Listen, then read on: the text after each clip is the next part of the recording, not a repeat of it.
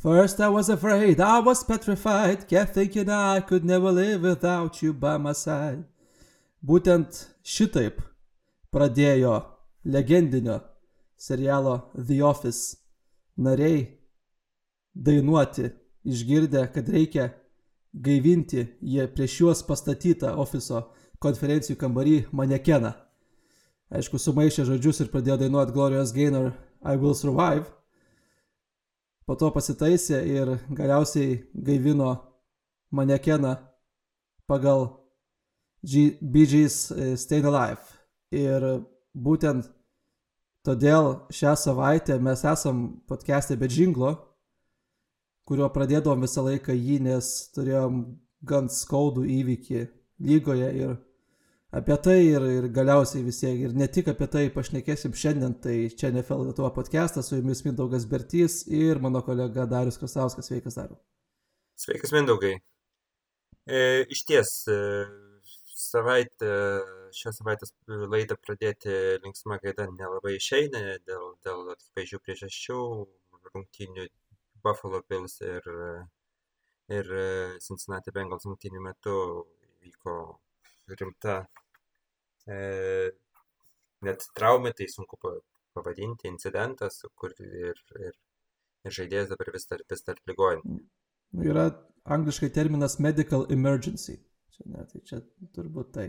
Dvi jau praeina, eina jau antrą parą, žaidėjas vis dar, vis dar ligoninėje, bet, kaip sakant, lyg ir, ir, ir geros žinios, kad, kad uh, situacija lyg tai ir kontroliuojama, nors įvardinama vis dar kaip, kaip kritinė. Tai va, ir, žinai. Nu, trumpai tiesiog apibūtinam situaciją, kontekstų ir po to, po to pašnekėsim, ne? Tai, Na, tai pirmadienio naktį, naktį iš pirmadienio antradienio Lietuvos laiku žaidė Sisati Bengals ir, ir Buffalo Bills. Ir rungtynių metu netiek daug joms ir praėjus, Cincinnati receiveris T. Higginsas pagavo kamuolį, veržėsi uždirbti jardų ir jį Buffalo Bills safetis Damar Hamlin sustabdė, nuteklino, atsikėlė po to teklo ir maždaug po pusės sekundės tiesiog smigo žemyn, kaip, kaip pakirstas kažko tiesiog krito ant žemės ir, ir, ir nebegalėjo atsikelt. Ir rungtynės sustabdytos buvo ir galiausiai buvo nutrauktos iš viso. Žaidėjas išvežtas į Cincinnati universiteto ligoninę, kur jisai yra vis dar prižiūrimas dabar. Tam vadiname intensive care unit, nežinau kaip lietuviškai greit išversti, reanimacija turbūt. Reanimacija, jo taip, reanimacijos. Jo, reanimacijoje prižiūrima yra jo būklė, ir vis dar jinai yra sunki. Žaidėjas ten nei, nei ten šneka, nei, nei ten kažką daro.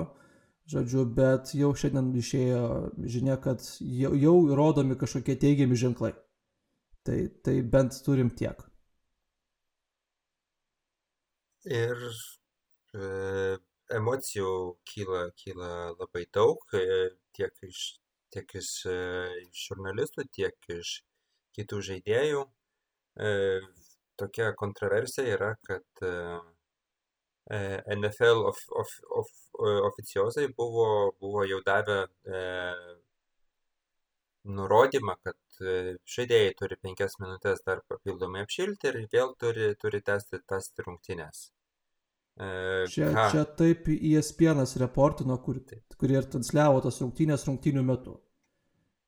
Žodžiu, tai Jo, ir pats, pats įdomiausia, kad, kad neįva, neįvardinamas nei, nei konkretus asmuo, kuris, kuris taip tokius nurodymus davė, nei kažkas tai iš NFL e, organizacijos prisipažįsta, kad tai iš ties nutiko. Tai va tokia, nu, savotiška situacija. Nu, ten toks epizodas, nu, jis kaip ir įdomus, bet ir gali jį pakankamai lengvai paaiškinti. Žodžiu, Joe Buck, e, announceris rungtynių pranešė apie tai, jis gavo šitą informaciją iš taisyklių analitiko, kurį turite kiekviena televizija, ten Mike Pereira ir, kiti, tai ESPN dabar vardo nebepasakysiu pavardės to žmogaus, bet tai dažniausiai nubūna žmonės dirbę aukštai e, pačioje NFL lygoje ir, ir ten dylinės tiek su teisėjavimu ir, ir panašiais dalykais. Žiūrėjau, tai tas žmogus ESPN gavo tą informaciją, perdavė Buckui, kad jisai ištransliuotų tą žiūrovams. Iš kur jis tą gavo informaciją, čia išlieka klausimas, mes jau ta, tikrai tą turbūt niekada nepasakysim, bet ESPN išleido, čia jau trečiadienį turbūt gavosi, jo, mūsų laiku, kad e, jie vis dar palaiko savo tą reportą, kurį gavo tada.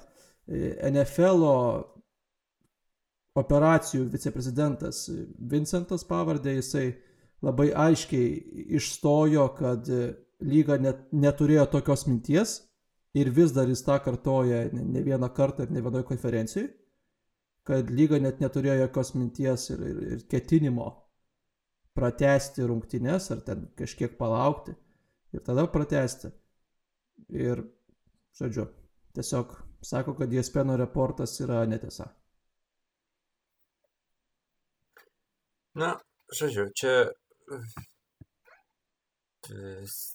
visuomenė Amerikos yra labai sensibilizuota ir aš man, jau čia ne aš pats sugalvojau, bet e, aš, man labai peršasi tas, tas palyginimas su įvykiu Europos čempionate e, jau 2021 metais, kai, kai Danijos rinktinė žaidėjas, nu, ne tai, kad e, ne po smūgio, bet praktiškai lygioje vietoje irgi lygiai, lygiai taip susmuko. Ir, nu, rungtynės jie jį išvežus buvo, buvo pratestos. E, Amerika vis tik skiriasi nuo, ir Amerika ir amerikietiškas futbolas nu, vis tik skiriasi nuo, nuo europietiškos, nuo, taip ką aš vadinu sokeriu, nuo mūsų įprasto futbolo. Ir aš manau, netgi įvykus tokiam incidentui E, pas, pas mus, nu, su visa pagarba žaidėjai, su visų rūpešiu, kurį, kurį, kurį mes jaučiam visi, kurie stebi amerikietišką futbolą. Aš manau, kad, kad rungtynės, jeigu nebūtų pratestos, tai tikrai būtų nukeltos į kitą dieną.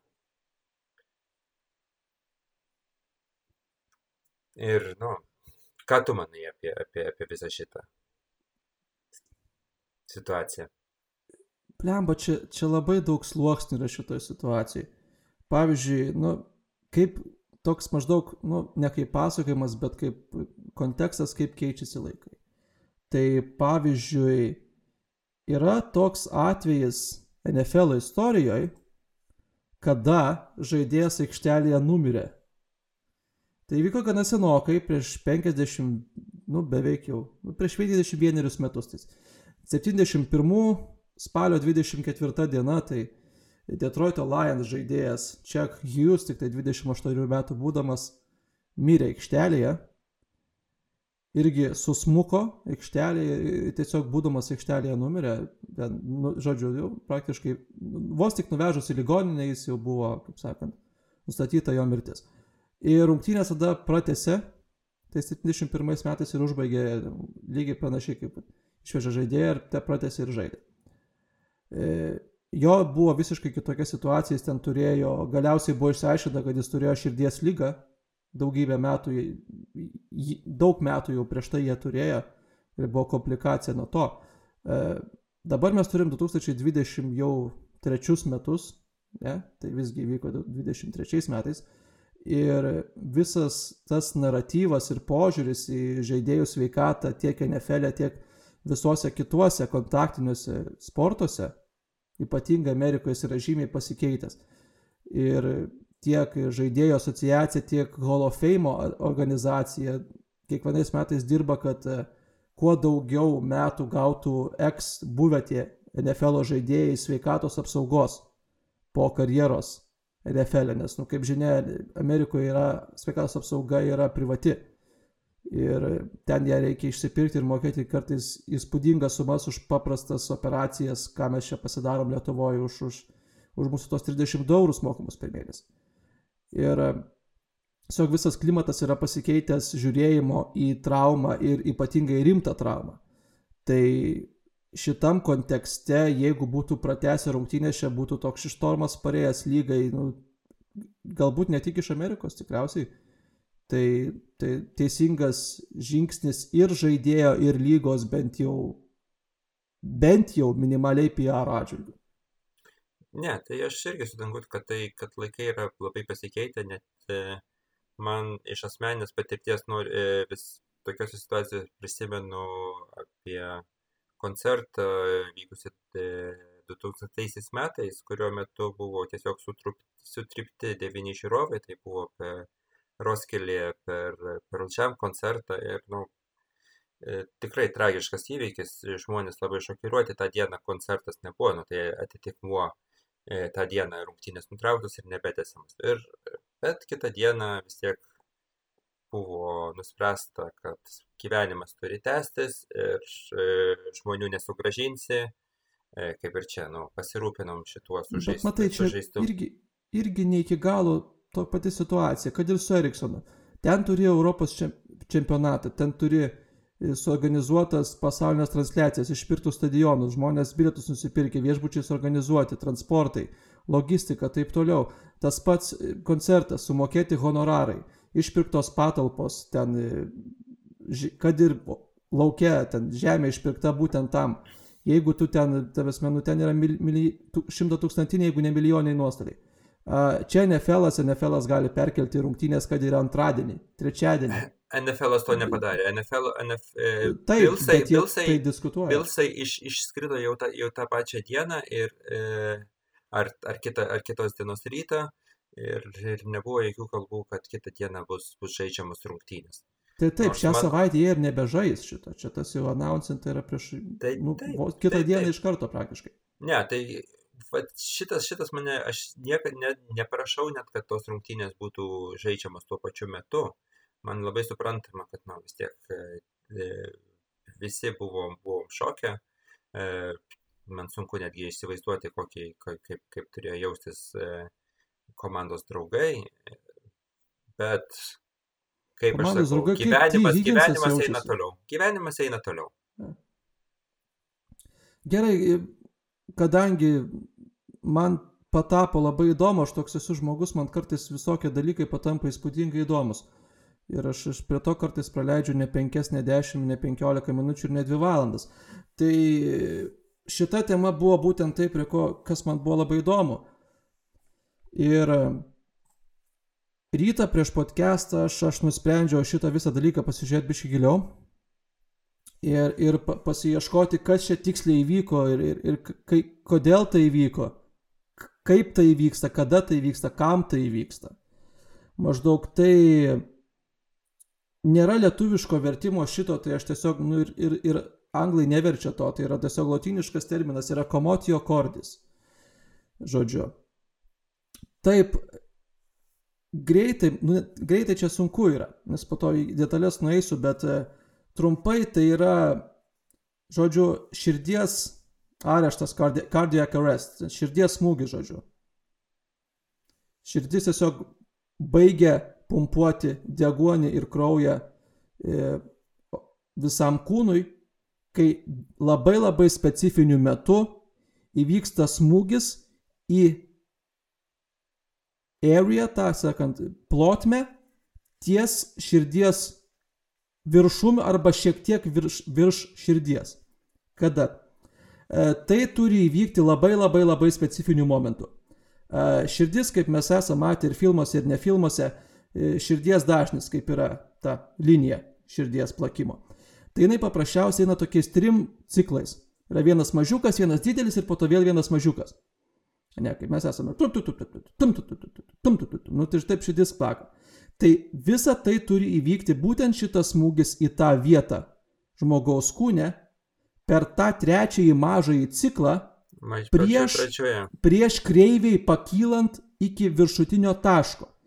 Tai yra maždaug a, tarp 10 ir 20 milisekundžių reikalas. 10-20 milisekundžių. Tai yra mažiau negu 1 procentas viso vieno dažnio suplakimo širdies. Vieno dūžio, tai mažiau negu 1 procentas būtent tuo metu turi įvykti šitas smūgis ir čia dar nieko. Gerai, tu tą smūgį padarai. Tai, kad tu turėsi komotijo kardis, nebūtinai tai turėsi. E, kad kam tai vyksta?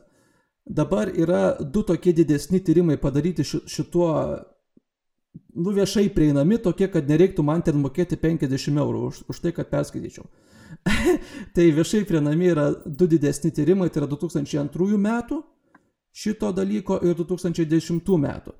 Tai abu daryti Amerikoje ir, žodžiu, 2002 metais buvo nu, vienas pirmųjų tokių, kurie atsižvelgia būtent į tai ir buvo nustatyta, kad daugiausiai tai aišku įvyksta sporto, sporto metu, bet nebūtinai, tai yra tik 62 procentai. Lygiai visi procentai, 38 nutinka šito, šito įvykio, kai žmogus va, tiesiog susmunka ir, ir viskas, nutinka tiesiog paprastai šeimoje, laukia, parke, nebūtinai sporto, kompetityvaus sporto, ne varžybų metu. Ir kas buvo tada nustatyta ir patvirtinta po to vėliau, kad didžioji dauguma visų šitų įvykių nutinka vaikams ir labai jauniems suaugusiems. Tai yra 20 metais, kad 50 procentų visų šitų įvykių nutinka tarp 11 ir 20 metų žmonėm. E, anksčiau tie procentai buvo šiek tiek didesni, bet e, vis tiek. Tik tai 9 procentai visų šitų įvykių, to komotijo kardis nutinka 25 metų arba vyresniem, tai yra mažiau negu dešimtadalis nutinka. Ir, e, žodžiu, širdis tada nustoja tiekti, bet nebūtinai tai nutinka iš karto. Kaip ir matėm per rungtynės, taip yra tyrimuose nustatyta, kad kartais pakankamai, nu, relatyviai, pakankamai, nu, sva, nu, žodžiu, aiškus, re, significant amount yra, tai yra ne, ne tai vienas porą, iš dešimt. Porą, sekundžių jo. šiuo, šiuo atveju. Buvo. Jo, kad yra significant amount atveju, kai žmogus ne iš karto kolapsina, ne iš karto sugriūna, kaip ir matėm e, su, su Seifčiu Bilsu, kad e, jisai padarė teklą, jisai pakilo, spėjo ten sekundę dar pasidžiaugti ir tada susniuvo. Yra ir dokumentuotų atvejų, kai pavyzdžiui, šitos va, traumos daugiausiai yra, kai yra kažkoks tiesus smūgis, tiesus impactas. Tai yra, pavyzdžiui, dažniausiai yra beisbolas, lakrosas ir ledo rytulys, kada yra mažas objektas į tikslę vietą dideliu greičiu. Ir, žodžiu, kaip beisbolininkais būna, kaip pavyzdžiui, pitcheris, kai atmuš, jo mestą kamuolį atmuša tiesiai jį, kartais būna, kad spėja net išmesti žaidėją pirmoji bazė ir tik tada, arba kaip žaidėjas gauna, žodžiu, beteris, spėja numušti kamuoliuką, nubėgti iki pirmos bazės ir tada tik tai sugriūt. Ir, pavyzdžiui, yra dokumentuota daug atvejų lakros, kodėl ten specifika tokia žaidimo, kai gynėjas tiesiog blok, nori krenta blokuoti tą kamuolį skriejant ir jam pataiko į krūtinę. Ir pavyzdžiui, netgi 2004 metais mes turėjom e, Junktinės Amerikos valstijose ganėtinai gerai dokumentuotą atvejį, kai tiesiog numirė e, George Boyardi, 22 metų vaikinas per NCAA lakros rungtynės, būtent dėl šito, stabdydamas kamoliuką su krūtinė šokdamas. Ir, va, tai gali nebūtinai iš karto. Ir tada kas yra blogiausia šitoje situacijoje ir kas būtent šitoje mūsų NFL situacijoje yra turbūt gera žinia, kad tais 2002 metais nustatė, kad viso labo 16 procentų iš tada dokumentuotų atvejų išgyveno po šito. Tas skaičius pakilo iki 35 procentų jau toje ankstesnėje studijoje. Dabar mačiau, kad tai yra virš apie 40-50 procentų bet čia aišku tam reikia dides, didesnės imties pagal tai, tai žmogus realiai turėjo 50-50 šansą neišgyventi. Ir kaip pasakė jo brolis ar pusbrolis, dabar nebežinau, po to interviu po dienos, kad jo širdis realiai buvo sustojusi tada aikštelėje, jį turėjo prigaivinti ir bevežant dar į, į ligoninę, turėjo dar kartą jį atgaivinti, širdies plakimą atstatyti. Ir dažniausiai, va, kodėl tada miršta, nes yra tik realiai du, du variantai, kaip žmogui kažkaip padėti toje situacijoje. Ir, ir mokėti padėti, tai yra ta širdies masažas, angliškai CPR, pagal BG Staying Alive arba Glorious Gain I Will Survive priedainį, ar, ir kartu dar naudojant defibriliatorius. Tuos, tie paprastai liaudžiai prieinami, tie mažiukai dėžutėse, jie yra visiškai puikiai tam tinkami. Tai tik, tik tas žinojimas, kaip elgtis ir nustatymas, kad būtent tai įvyko, padeda žmonėm tuos 40 procentų išvykti. Tai va, ir šitoj vietoj tikrai geras buvo darbas atliktas tiek Bilso personalo, tiek rungtynėse būdėjusio medicininio personalo, kad žaidėjas vis dar yra tame, toj reanimacijoje ir kad, nu, aš manau, kad jisai, kad su juo viskas bus tvarkoj. Nes, nu, istorija rodo, kad dažniausiai tai būna, kad jeigu ne iš karto, tai dažniausiai ir, ir būna viskas tvarkoj. Na, tiesiog tikrai labai įdomi informacija, aš, aš visų šitų detalių tiek nežinojau e, apie, apie šitas, šitas Šiaip įdomus, į, į, įdomus toks faktas yra, kad kartais iliuzija yra sukūriama apsaugos. Pavyzdžiui, taigi ledo ritulininkai, vartininkuose dažnai būna šitas. Vartininkai su apsaugom žaidžia. Beisbolininkai žaidžia su apsaugom. Tie kečeriai, ne? Mm, taip, taip, taip. Futbolininkai žaidžia su apsaugom. Ne, bet kartais ta apsauga sukuria fakeidį saugumo jausmą. Čia tas pats, ir, pats klausimas kaip ir su, su šalmais. Ir... Bet ne, dabar aš, aš pasakysiu, kodėl. Uh, yra nustatyta, kad apsaugos apsaugančios kuo didesnė, kuo didesnį plotą e, šitos krūtinės, jos apsaugo būtent nuo to. Bet būna momentų, kai tu esi ekspausinamas tam, pavyzdžiui, kai pakeli rankas tai kad 20 procentų buvo, žodžiu, nustatyta iš visų tų, kad 20 procentų tų atvejų, tų pačių tų mirtinų buvo, kai tiesiog žaidėjas pakelia rankas, saugodamas kažką. Ir tada ta apsauga kartu pasikelia ir ta maža vietelė virš širdies jinai atsidengia. Kad nebūtinai, tu, jeigu turi apsaugą, nebūtinai turi apsaugotas nuo to. Ir pavyzdžiui, dabar e, NFL, defensive back ir, ir receiveriai turi turi tas apsaugas, bet jos yra nepalyginamai lengvesnės ir plonesnės negu, negu visų kitų žaidėjų, išskyrus quarterbackus. Ne, nu, taip yra lygoje. Ir nu, čia, čia buvo antiek neįtikėtinas sutapimas įvykių, kad per tas 10-20 milisekundžių žaidėją, kuris patenka į 9 procentus visų galimų tikimybių, jeigu tai įvyktų, iš 25 metų. Per futbolo rungtynės, kurios yra ten ketvirtas ar penktas pagal e, dažnumą sportas, kuriame tai vyksta, kad visa tai įvyktų vienu metu. Na, bet supranti, e, Mindaugo, kiek ir tokio, tokių ir panašių, tokių, tokio tipo smūgių nutinka rungtynių metu. Nu, tai, žinai, laukiam taip, bet tu turi šito, laukiam, suderinti su 10 milisekundžių, tai nu čia, ta prasme, čia yra... Taip, taip, taip, bet mes vis tiek, mes, nu, suprantu, kad tai yra retas įvykis, bet turint omeny, kad tai nutiko vieną kartą per šimtą metų, būtent šitokia trauma, e, įvykis, vėl trauma, sakau, e, tai nežinau, aš netryšiau sakyti, kad yra super, super didelis e, netikėtumas. Ne, nu tas akivaizdu, nu tai aš kaip ir sakau, čia ant, ant tiek turėjo improbable events, netikėtinų įvykių, mažai tikėtinų įvykių supult į vieną, kad tai vyktų ir dabar vat, žmonės, tarkim, kažkaip nori, nu, išreikšti tą ir kaip ir gerą valią šitoj momentu. Tai e, būtent e, Bilsų Vatsafetis, kuris šiuo metu guli reanimacijai, Demar Hamlin, turėjo tokį fundraiserį GoFundMe puslapyje savo foundationą. Jis bandė pradėti savo foundationą, kaip daug kas profesionalių atletų turi, jis ieškojo viso labo 2500 dolerių kad galėtų žmonėm tiesiog vaikams kažkiek nupirkti per šventę žaislų. Tai dabar žmonės ten yra saukoja 6,5 milijono dolerių.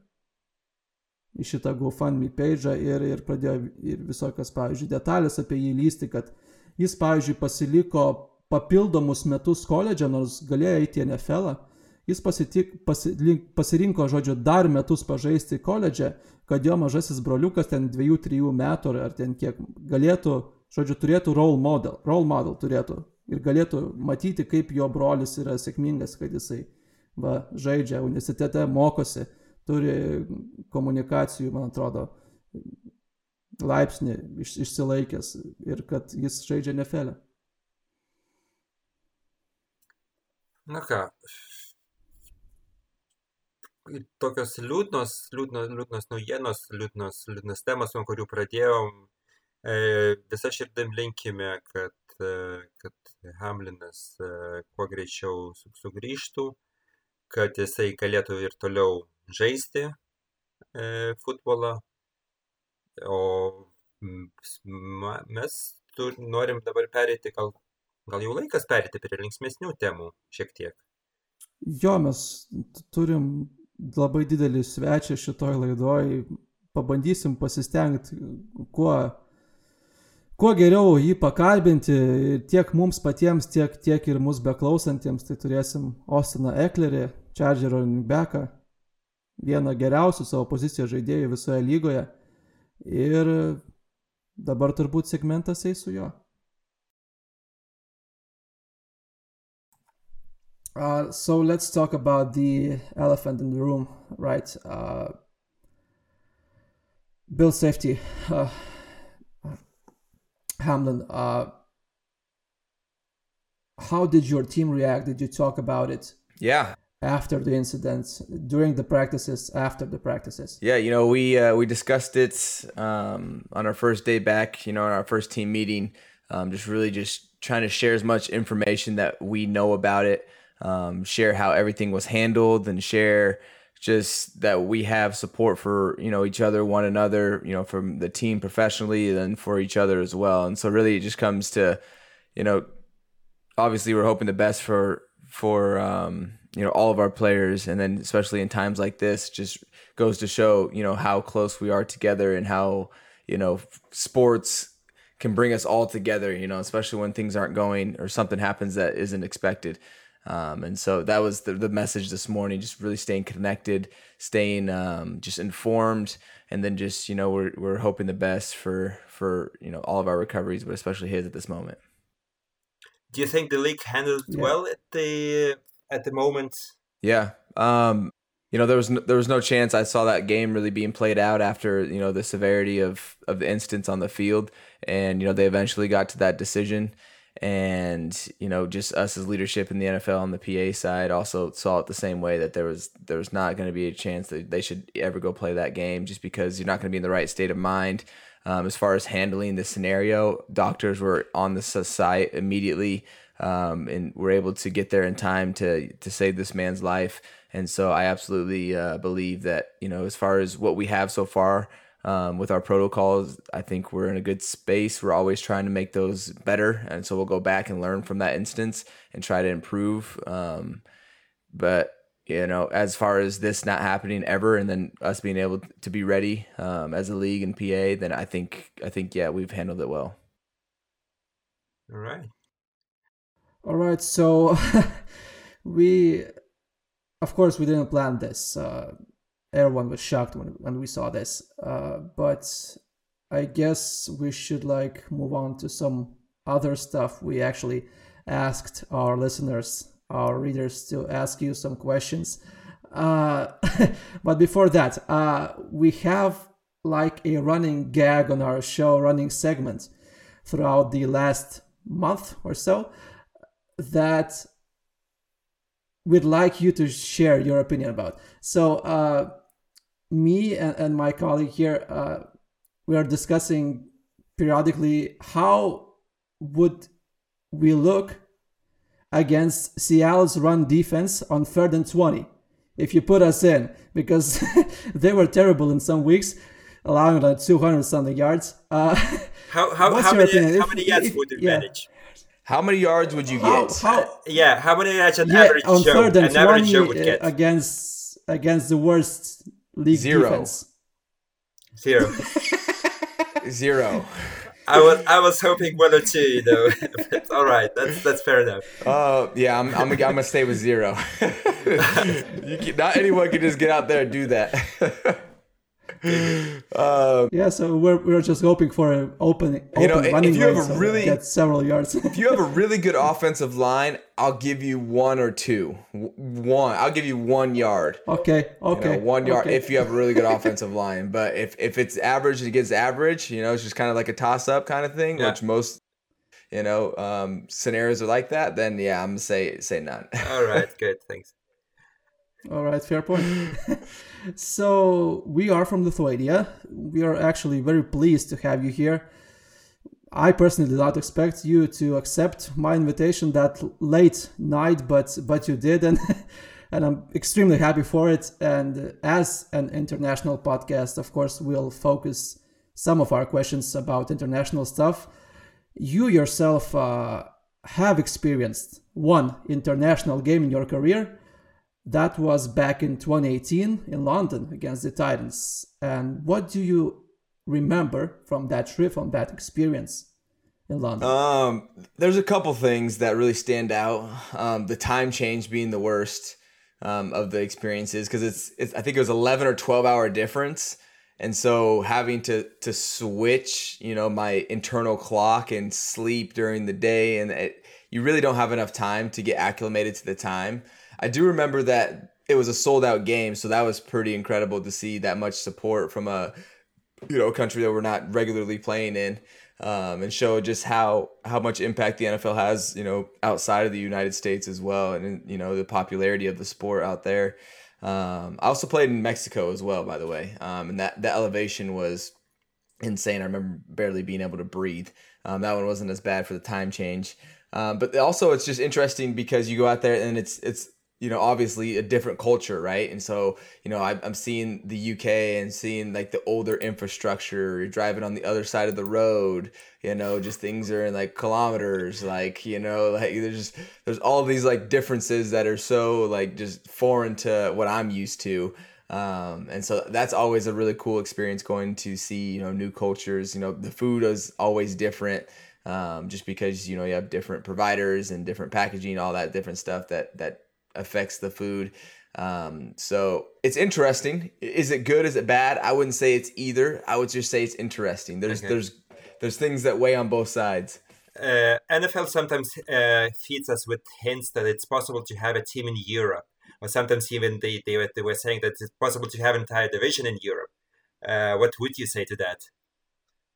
Uh, I I mean, I hope I'm not in that division. I understand. I understand. Like that just seems very drastic. And if they were going to drag an entire franchise to, you know, somewhere in Europe, so to speak, I would, yeah, I would not look forward to playing them twice a year unless it was, you know, like I don't even know how they would do that. Like, do they half the games in the first half are all played there at home, second half, you know, maybe in the states? I don't know. Um, but I think it's just the logistics, or I think maybe just too foreign and too you know far out there um, and I know personally, I'm like, that's a lot of traveling, especially if I was on one of those teams over there. Um, and it just seems like a lot. It seems like a lot. It is. It is. You'd probably get paid a little more. Uh, th- there's this thing For called that? quality of life. quality of life, where it's like, yeah. sure, if we're getting paid more, you know, that's a, you know, they're trying to put a carrot in front of you, right? Come on out here to to Europe, but I don't know. Um, it just depends on what state of frame I'm in my life right now. It's like, am I willing to take on that big of a change? Um, you know, I've been playing six years now, so I'm not a rookie that's you know has this, you know, huge outlook as far as this long career. I've already been playing a bunch, um, you know, as a running back too. So I'm just like, ah, maybe. I don't know. Maybe I don't know. Never say never, but I don't know. yeah, so you've made the league as an undra- undrafted rookie, so that's a rare feat by itself. Uh, we have actually have a European player who spent his entire childhood and, and adolescence in Denmark playing in the NFL now. What would you advise to young players hoping to someday get to the NFL that are living here in Europe, in Germany, or in Lithuania? Yeah, um, it, it's the same advice that I would give to you know people in the United States. Uh, is uh, it's biased because of this. It's how I got to here. Is I didn't focus on it. You know, I focused just on what I had in the moment, right? My opportunity, you know, in in school because we we play football, you know, for our schools, and so I was focusing on just playing the best that I could at the time, um, and that's what allowed me to get noticed. I wasn't even I didn't even plan on trying to go to the NFL. I was going to go into my business degree. I was going to go start getting into, you know, my entrepreneurship stuff, you know, real estate. I was going to be in the energy sector, oil and gas. That's my plan that's what my plan was. And then i had an opportunity present itself kind of wasn't out of nowhere but i built it up because i was focusing on trying to increase my scholarship so i needed to play better on the football field to get more money to pay for school. And i was able to do that to the point where you know i got an opportunity to play in the nfl and so i think that really helped me. And it's helped me today because now i know i, I see the nfl and i appreciate it a lot more because it's not that i wasn't like it wasn't like so like foreign to me that I didn't even ever think about it. Like I thought about it, like I thought that would be cool, but it wasn't what I was focusing on. I was just focusing on living in the moment and playing the best that I could um, with the things that I had in front of me at that time. Yeah, thanks. Uh, so as a running back, it's usually said that it's the easiest position to transfer from from college to the NFL. Uh, people are wondering, our Lithuanian wonderful people are wondering uh, how much time do usually running backs spend watching film and studying? Before the, yeah, uh, yeah, yeah. As far as hours, I, I don't know. I couldn't really quantify it because um, we watch we watch a lot of film with our team. We watch a lot of film as just running back group individually, and then I'll watch a game or two um, on my own. Um, so it's a few hours a week. But here's the thing: the NFL, you know, especially after playing for you know six years now, you start to understand that it's it's pretty similar every single year. You know, you know who coaches are, you know what they're going to be running, you know what to expect, um, and then you know you have to react off of everything else past then. You can you know where people are going to line up, but then everything a- after the snap is just react as a running back. Um, and so as far as being a talented running back, um, I think it really comes down to how able you're able to use your instincts, right, and continue to be a really instinctive player. You definitely can give yourself an advantage by having an anticipation, you know, before the snap, but really it comes down to how well are you able to react, how well are you able to run, um, you know, make guys miss um, as a running back. And so as far as like comparing us to like a quarterback, who has to study like routes and study um, you know different you know coverages you know different types of pressures and things like that it's not as intensive um, but it's it's intense in our own way because we all watch different things um, that are specific to our position. So my colleague has a personal question to you, kind of personal. Yeah. related related to you being uh, as probably the most famous guitar player. Yeah, guitar player first of all, but also I've seen your you showing some skills on your Stratocaster on Instagram. Uh, I sadly I didn't recognize the the uh, the music what you were uh, uh, practicing. My question is, what bands do you listen uh, normally before the game and in your free time, and what music do you play? Yeah, so I mean, what I was playing with me and my lady, um, she was playing the drums. Um, we just made that up. We just made our own little riff up. Um, and so we were just practicing one of our little songs that we've been working on.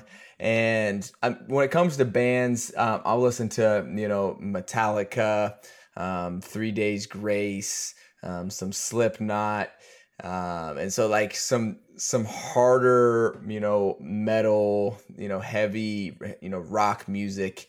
Um, is what I like. I like to hear instruments banging. It kind of gets me into like a not necessarily like a, a dark mode, but like I feel like like a intense, right? Yeah, it's really yeah. intense state of mind when I'm listening to that type of music. So that's the type of music I listen to. Yeah, I get it. Talking about intense moments, uh question that a lot of players, younger players get, but I will ask you that as well. So uh what was your welcome to the NFL moment that humbled you or made you look differently? At I wouldn't say it's play. it's one moment. I, th- I would say it's it's an ever evolving moment is welcome to the NFL because when you're in the NFL, your situations and your experiences year to year are so different that it's it's almost like you can tell like the difference. You can tell you're becoming a veteran. You know, as a rookie, you know it's welcome to the NFL because you have all of this stuff being thrown at you. You have to be able to juggle it all. It's really intense. You're really nervous. You don't know if you're going to make the team. Um, you don't know any of the veterans. You don't know how the NFL works. And so going through that year was a welcome to the NFL. Then it goes into the second year. I have a little bit more established. I'm starting to get myself, you know, my my feet underneath me and being able to know what to expect a little bit more, have a little bit more production. Going into year three, right? It's even more. Now I'm, you know, working myself into a leadership role. So like every single year for me has been kind of a pedestal. I'm a little bit more established in my third year. Um, I have, you know, more of offensive role, getting off at special teams. And so every single year, even this year, um, has been a moment where I have taken on a new role, whether it's with leadership, whether it's on the field. And so it's been a new experience every year. So every year has been this welcome to the NFL, but this is this year's experience. And so it's been pretty special. All right.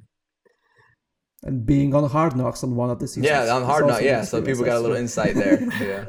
yeah. um, so to end things off, I'd just say to everyone that's listening, Austin Austin Ekeler himself has a foundation which takes care of children, of schools, and could you just talk about it and promote it too? Yeah, because there were some also questions. So uh, we announced the questions uh, the, the before the before the new year, and the our NFL fans were asking how what's the best way to to support uh, the foundation and just to make someone happy. Yeah. Um, so we have a different, so just the foundation, you know, in general, I'll just give a summary. Basically, we provide opportunities in communities that are lacking those opportunities, uh, whether that be providing um, clothing, you know, washers and dryers, well, weight rooms, um, you know, equipment um, for, you know, sports, for school,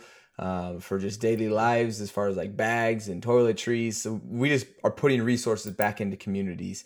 Um, and right now, you know, we have a few ways that you can that you can tap into the Austin Ekeler Foundation. Uh, if you go to austinekeler.com, you know, you're able to see our website, see all of our projects, and then you can make donations there, or you can buy some of our um, foundation gear, which we have a new line of foundation merch, and all the the proceeds of those go to supporting. Um, the foundation as well and so that's one of our main ways of raising money is by going through our clothing line um, and I, I, think people enjoy that because they get something in return and they get to represent and they also get to have some, yeah. some cool, some yeah. cool shirts in, in the same time. So that's the Austin Eckler Foundation. I would appreciate, yeah, any help. We're working on a new project right now. We're building another weight room um, for some kids out here in, in California next to, you know, where we play. Um, so I know they're really fortunate about that. And going to, it's going to be something that helps people for generations, which I'm really excited about. Okay, awesome. It's been a pleasure, Austin. You've been as wonderful as you are on the court. so thanks for joining us, and let's yes. have some great playoff yes, games. I agree. I agree. this Thank year. you, boys. I appreciate you having me on. Thanks a lot, Austin. All the All best. Right, thank you. Thank you. Thank you. Tai va, ponai ir ponios. Ostinas Ekleris su jumis šnekėjo, kažkiek šnekėjom ir mes, bet šnekėjo jis daugiau. Ir man asmeniškai tai labai labai patiko, kaip tau dariau, irgi turbūt prisiminsi. Na, e, toks įspūdis rimtai, kad, e, kad labai, e, angliškai sakant, down to earth pašnekovas ir, ir tikrai buvo smagu. Arba kaip sakė Pakso rėmėja, žmogus, žmogiškas ir išliaudės. Taip, galima ir taip pasakyti. A, bet tai prabė, mūsų laida jau, kaip sakant, jau eina į paskutinį segmentą šį kartą mes ne, neturėsime tiek daug laiko pakalbėti apie, apie rungtynės, kurios jau, jau ėjo, ėjo ir praėjo, bet aš vis tiek noriu paklausti Mindaugai. E, savaitės rungtynės, kas tau buvo savaitės rungtynės? Oi, oi, oi, sunau, e, labai geras klausimas. 49eriai su Jaredu Stidhemu kovojo ir nesugebėjo jų gynyba atsilaikyti prieš Jaredo Stidhemo e, dešinėje ranką.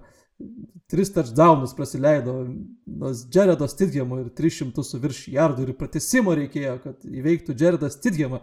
Ir Los Andželio, atsiprašau, ne Los Andželo, jau šimtas metų kaip nebe Los Andželo, Las Vegaso Raiderius. Labai geras mačas buvo. Brokas Purdis prieš Jaredą Stidhemą. Labai gerai. Na, žodžiu, kaip sakant, e, šį sezoną yra tokia statistika, kad e, start, buvo jau 65 startiniai quarterbackai lygoje.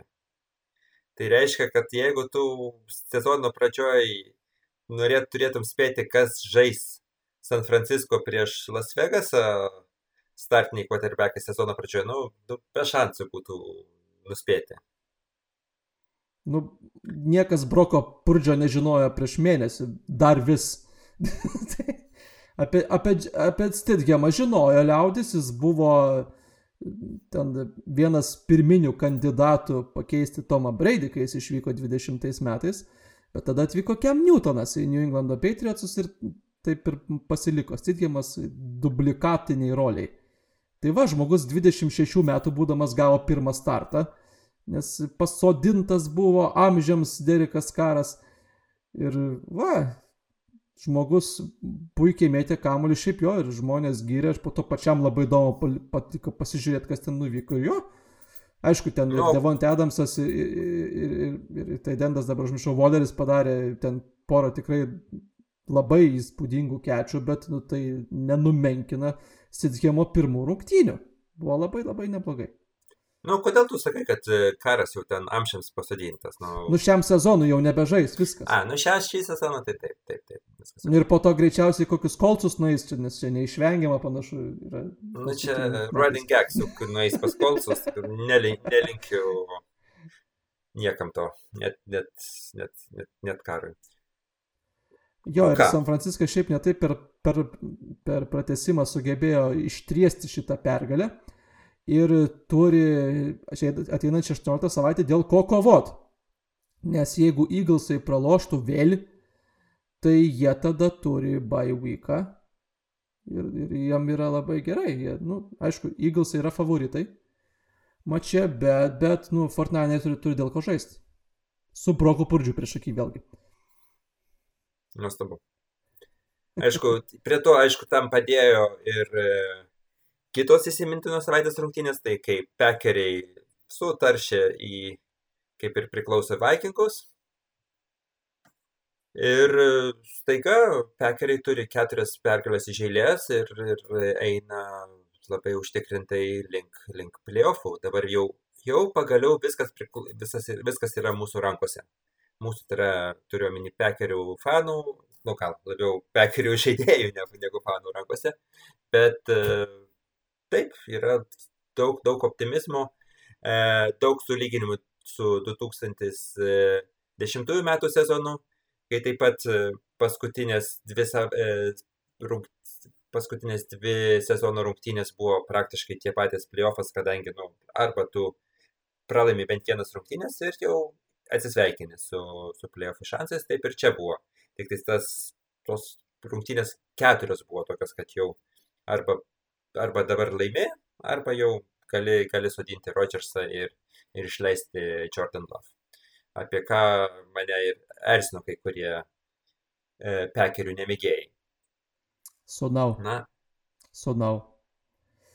60 procentų jūsų tų playoffų šansų sėdi Seattle Seahawksų rankose ateinančią savaitę.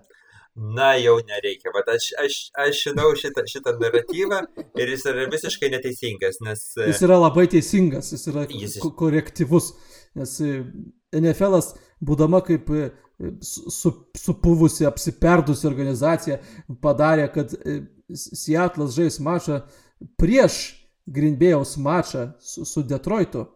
Jeigu Seattle'as laimi prieš, prieš Remsus, Jeigu jie laimi prieš Remsus, tada Detroitas neturi dėl ko žaisti. Nes jie vis dar turi playoffų šansą prieš šią savaitę. Detroitas Detroit... neturi dėl ko žaisti ir tada gali tiesiog išleisti antrą komandą ir sakyti, a, kam, koks mums reikalas.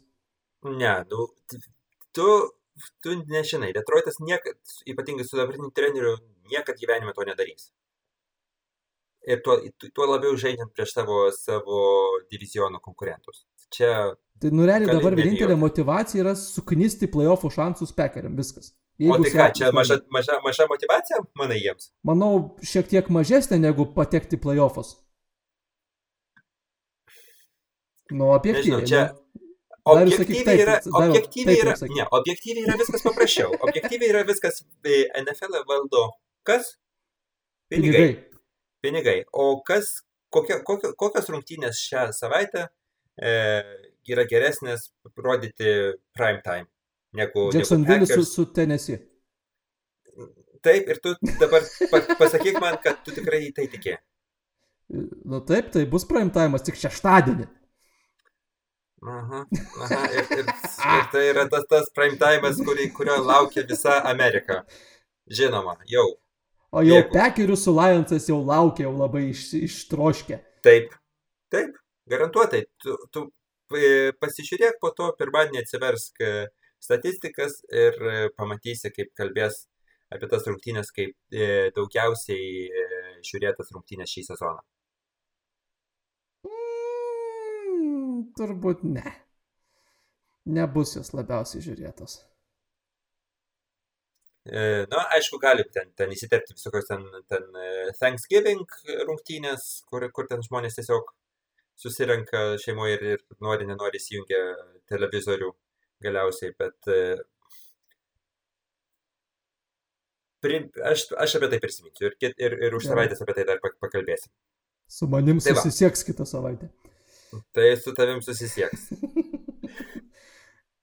Tai va, ne, iš, iš, iš ties yra optimis, optimizmo daug ir, ir aš manau, kad, kad Sietlas gali tiesiog, na, nu, laimėkit jūs tas savo rungtynės, o, o vis tiek, ir nepriklausomai nuo to, ar Sietlas laimė, ar Sietlas pralaimė, vis tiek, pekeriai susitvarkys su, su Detroitu. Tuo labiau, na, nu, šiuo, šiuo metu nėra labiau, e, kaip aš prieš dvi savaitės sakiau, kad e, Detroito komanda yra karščiausia komanda. Šiuo metu karščiausia komanda e, bent jau NFC pusėje yra Packeriai. Case closed, važiuojam į AFC. Man kitą savaitę. Kur? Seatlo, kaip sakant, likimas spręs du monumentaliai nuostabus quarterbackai. Tai Bakeris Mayfieldas ir Jaredas Goffas. Nu taip, ba. Tiesiog tokia ta ne, situacija. Prisi, prisigyvenom. Prisigyvenom. Nu, AFC dalykai šiaip paprastesni yra biškutėlė.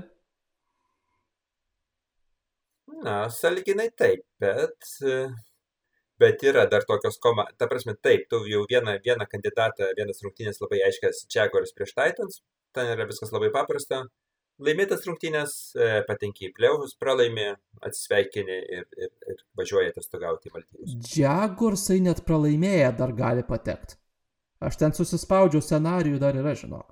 A, nu gerai. Ten turi pralošti, man atrodo, New Englandas, Miami's ir, ir žodžiu, kažkas ten gaunasi. Ir, ir Steeleriai. Ir Steeleriai turbūt jau, jeigu visi trys pralošia, tai jie patenka, man kažkas tokio. Apropo Steeleriai, e, fantastiška franšizė, fantastiškas treneris Tomlinas, kuris netgi e, su, su tokia sudėtimi, su Kenny Picketu quarterbacku, su subirėjusiu ten komanda, kurią visi sako, kad tai yra rebuildinimo režime jau turėjo būti. Ramiai savo e, vis dar kandidat, pretenduoja užbaigti su pozityviu pergalių pralaimėjimus e, balansu.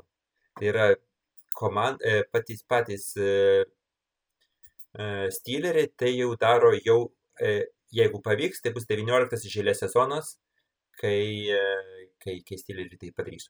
O pats Tomlinas treniruoja Steelerių komandą jau 16 sezoną žėlės ir niekada dar nematė neigiamo perkelių pralaimėjimo balansų, kas yra visiškai wow.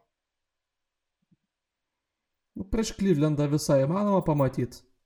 Nėra ten beviltiška komanda.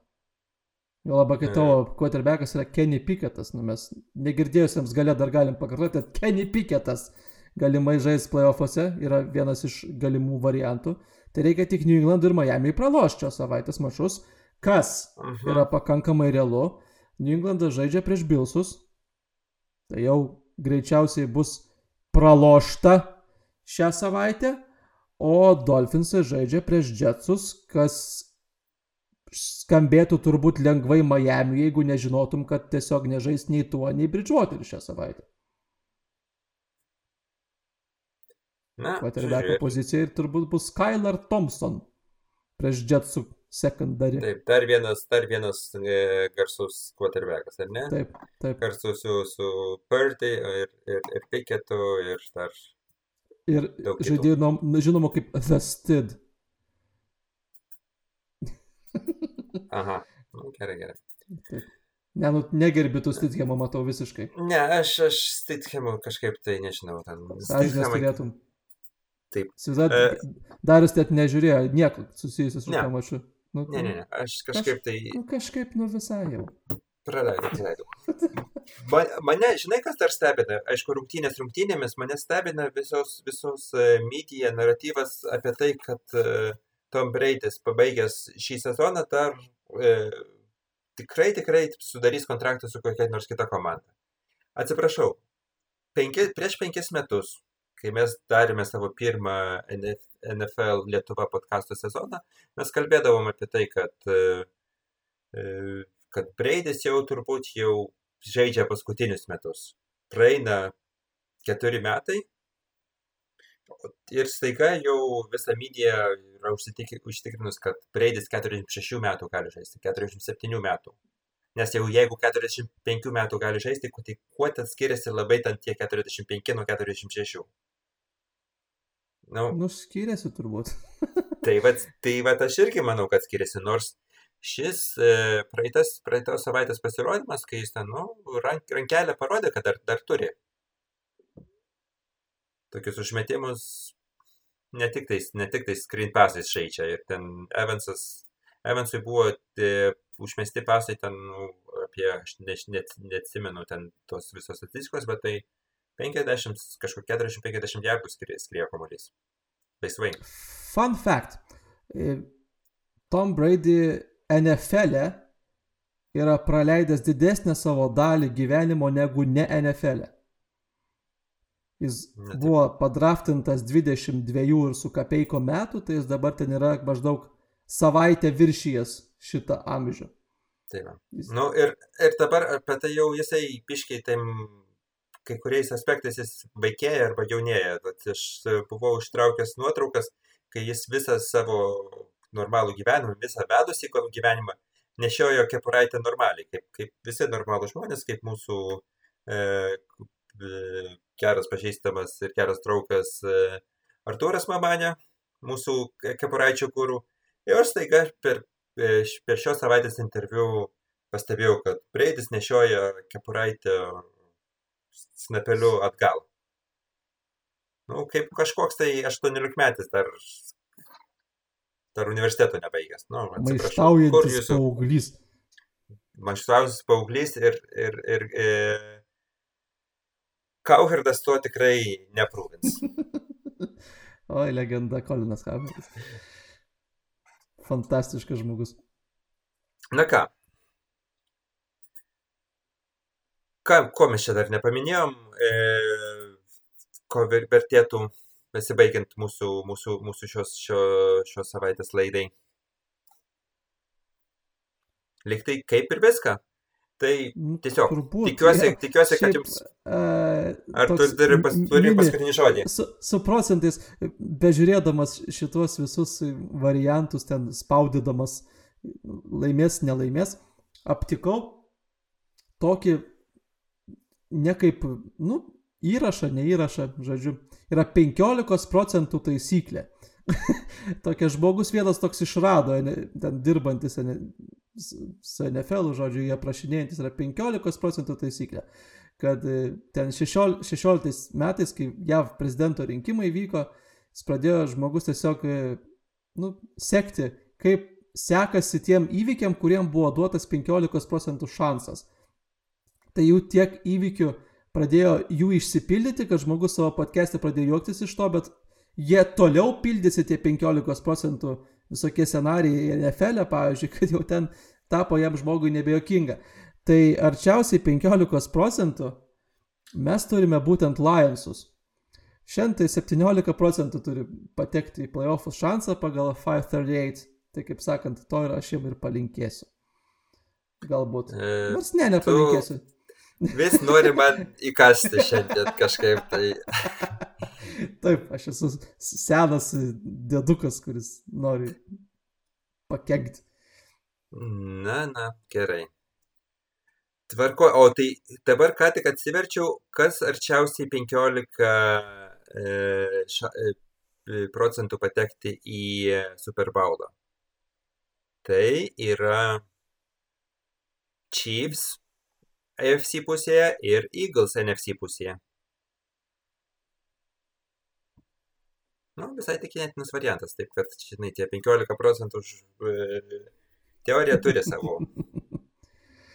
Tvarkoj, kitokia laida šią savaitę, daug visko turėjom, tai kitą savaitę turbūt grįšim prie įprastinių gaidų.